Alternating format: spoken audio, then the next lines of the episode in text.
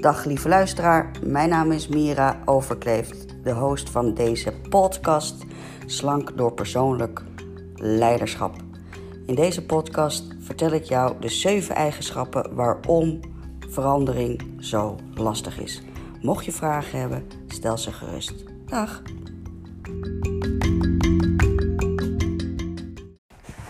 Oké, we gaan naar de 7 uitgangspunten waar, uh, die te maken hebben met gedragsverandering.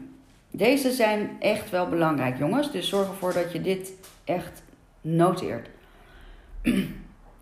Uitgangspunt 1 is dat gezondheid een persoonlijke competentie is. Met andere woorden, gezondheid is iets wat je kan leren.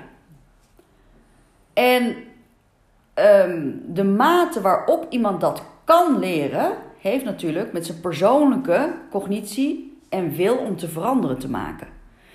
Um, als iemand niet inziet dat zijn gedrag een belangrijke bijdrage levert aan gezondheid,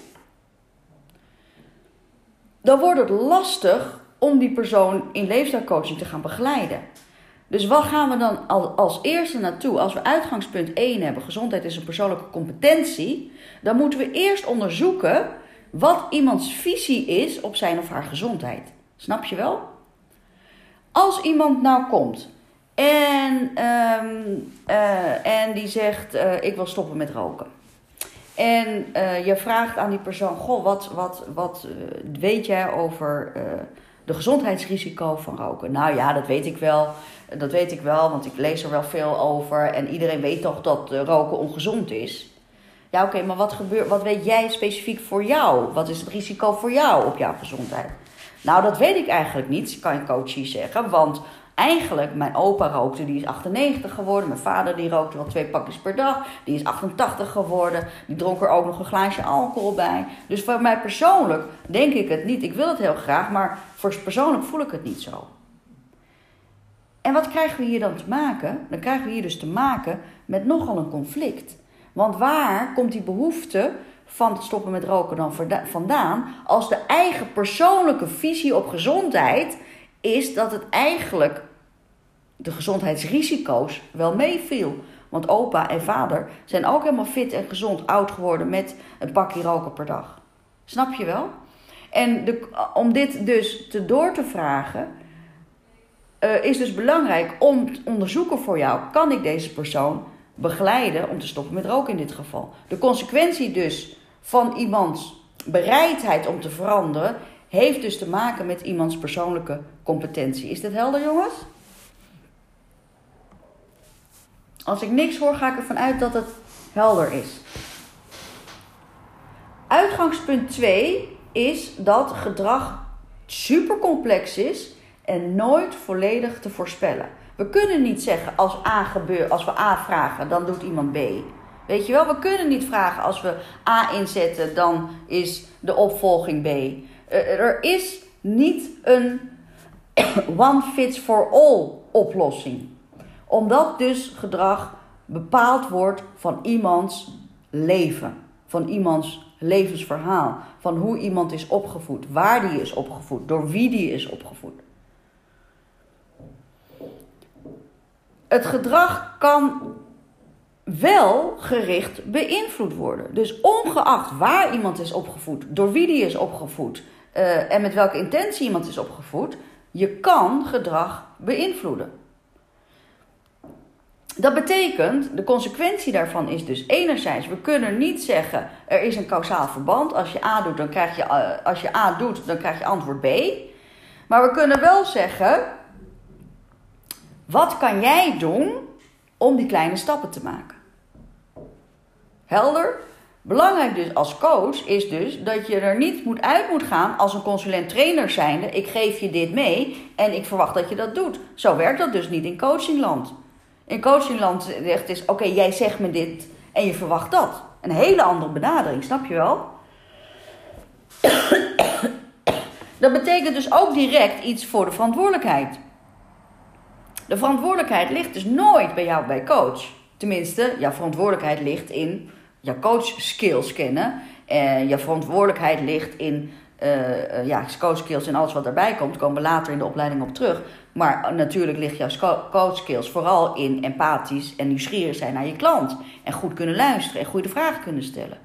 De uitkomst van dit alles ligt 100% bij coachie. Snap je wel? Niet verwachten dat je iets voorstelt en dat daar dat wordt opgevolgd. Dat is uitgangspunt 2. Uitgangspunt 3. Gedrag is deels gestuurd door actuele bewuste overwegingen, maar veel vaker gestuurd door onbewuste of in het verleden bewust genomen beslissingen, tussen aanhalingstekens, en daarbij vaak patroonmatig. Nou, dat is eigenlijk precies wat ik net heb uitgelegd hè, over, die, over dat fietsexperiment. Je moet het eerst leren.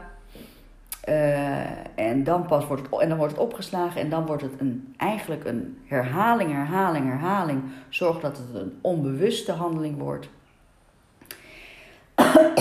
en iets wat herkenbaar wordt, is wat jouw brein, jouw wezen als snelst, als makkelijkst, als voelt vertrouwd aanvoelt en daarmee eerder geneigd is om dat toe te passen. Consequentie is dus, nou, wat ik net ook al zei, er kan iets gezegd worden waarvan mensen zeggen: ja, dat voelt goed zo, of zo heb ik het altijd gedaan, terwijl dat dus helemaal niet goed hoeft te zijn of de juiste uitweg, uh, uitkomst hoeft te bieden. Uitgangspunt 4. Gedrag is voor een deel ingegeven door hardware, nature, genen, waaronder elementen van persoonlijkheid. Dat zijn de Big Five, komen we later op terug. Er zijn dus persoonlijkheidskenmerken die alle mensen blijkbaar bezitten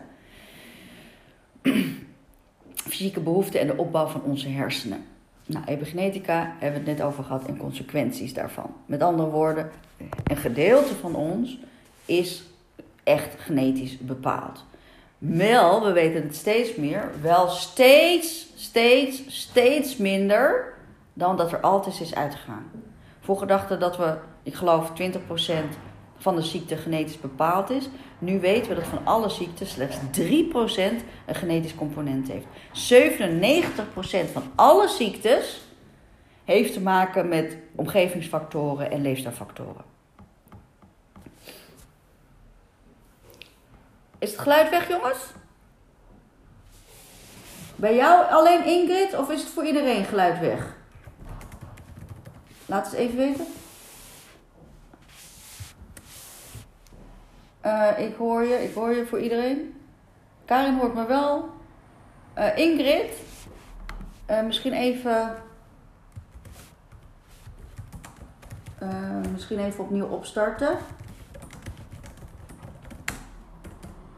Oh, oké, gelukkig.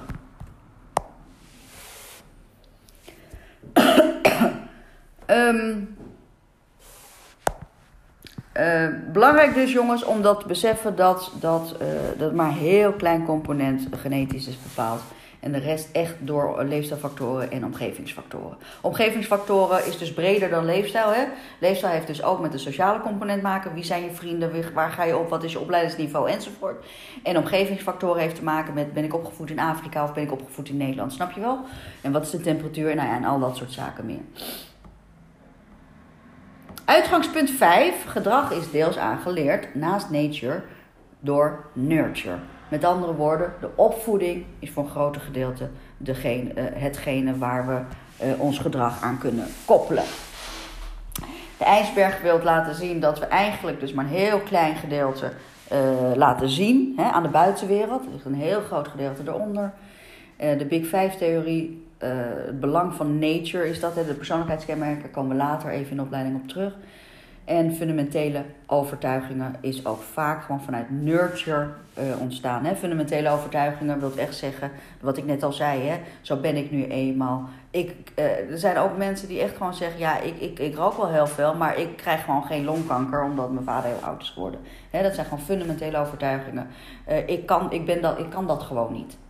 Iedereen nou ja, iedereen, misschien niet iedereen, maar ik denk dat heel veel mensen dat ooit wel eens zelf ook hebben gezegd. Ik kan dat gewoon niet. Ik ben daar gewoon niet goed in. Hè? Eh, consequentie is dus dat het dus een beperking opwerpt in, in, in, in verandermanagement, in verandergedrag. Ja? IJsberg is dus echt de kennis en, en vaardigheden die we zien. En daaronder wat we niet zien zijn de opvattingen en de waarden en eigenschappen en drijfveren van iemand. Uitgangspunt 6 is altijd, gedrag is altijd contextafhankelijk.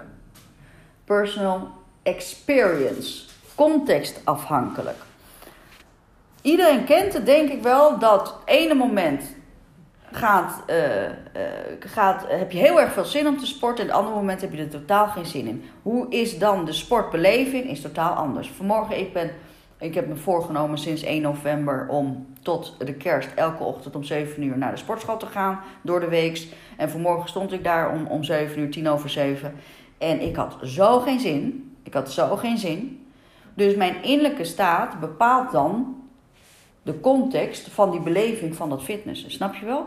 Dus gedrag is altijd contextafhankelijk en kan elk moment veranderen. Het ene moment zeg je yes, ik ga ervoor. Het andere moment denk je waar doe ik het voor? Snap je wel?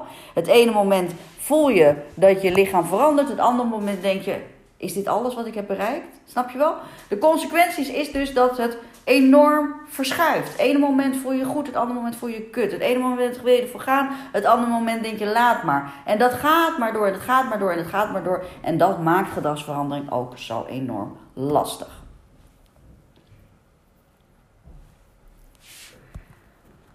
Gedragsverandering verloopt in fasen. En fases, die fasen die zijn per persoon verschillend. We kunnen daarom niet zeggen, we kunnen daarom niet zeggen, in zoveel weken heb je dat bereikt. Al die, al die debiele dingen, uh, verlies, verlies 8 kilo in 10 weken, word in 3 minuten fit, bla bla bla. Het kan gewoon niet. Het kan gewoon niet. Iedereen is anders. Met zijn eigen persoonlijke competenties kan je niet verwachten dat er een one fits for all is. Dus dat betekent als coach nog veel meer dan een consulent, dat je achterover gaat leunen en gaat onderzoeken waartoe is jouw coachie in staat. In welke, in welke fase van iemands leven zit hij in zijn veranderwens? Hè? En is dit de veranderwens iets wat opeens op een maandagmorgen opkomt poepen? Of is het een wens die al sluimert al een geruime tijd? Eh, is het uh, een veranderwens die eh, qua competenties mogelijk is? Is het een veranderwens die qua risicoperceptie mogelijk is? En dan pas ga je kijken van hé, hey, waar sta ik met mijn coachie? En dan pas kan je gaan zeggen: oké, na het eerste heel uitgebreide intakegesprek of kennismakingsgesprek, dan pas ga je zeggen: oké, ik denk in overleg met jou dat dit de fases van, uh, van aanpak zouden kunnen zijn. Of je zegt nog beter, met jouw verhaal horende, hoe zou je het vinden dat? Hè? Dus uiteindelijk ga je natuurlijk als coach na een samenvatting wel kijken van hé, hey, waar gaan we dan naartoe? Hè? Want een coachie wil wel natuurlijk een bepaald verwachtingsmanagement hebben. Die wil wel weten waar die aan toe is. Hè? Het, is niet, het is niet zo dat je zegt als coach, wat ik net zei, een coach is vooral aan het luisteren en niet zozeer aan het praten. Het is natuurlijk niet zo dat je als coach zegt, nou, eh, ik zie wel waar het schip strandt. Nee, je wilt ook een plan van aanpak geven. Je wilt ook, uh, wat net al eerder werd gezegd, een soort van smart omschrijving maken. Je wilt ook uh, iemand naar een bepaald resultaat leiden, natuurlijk. Is dat helder, jongens?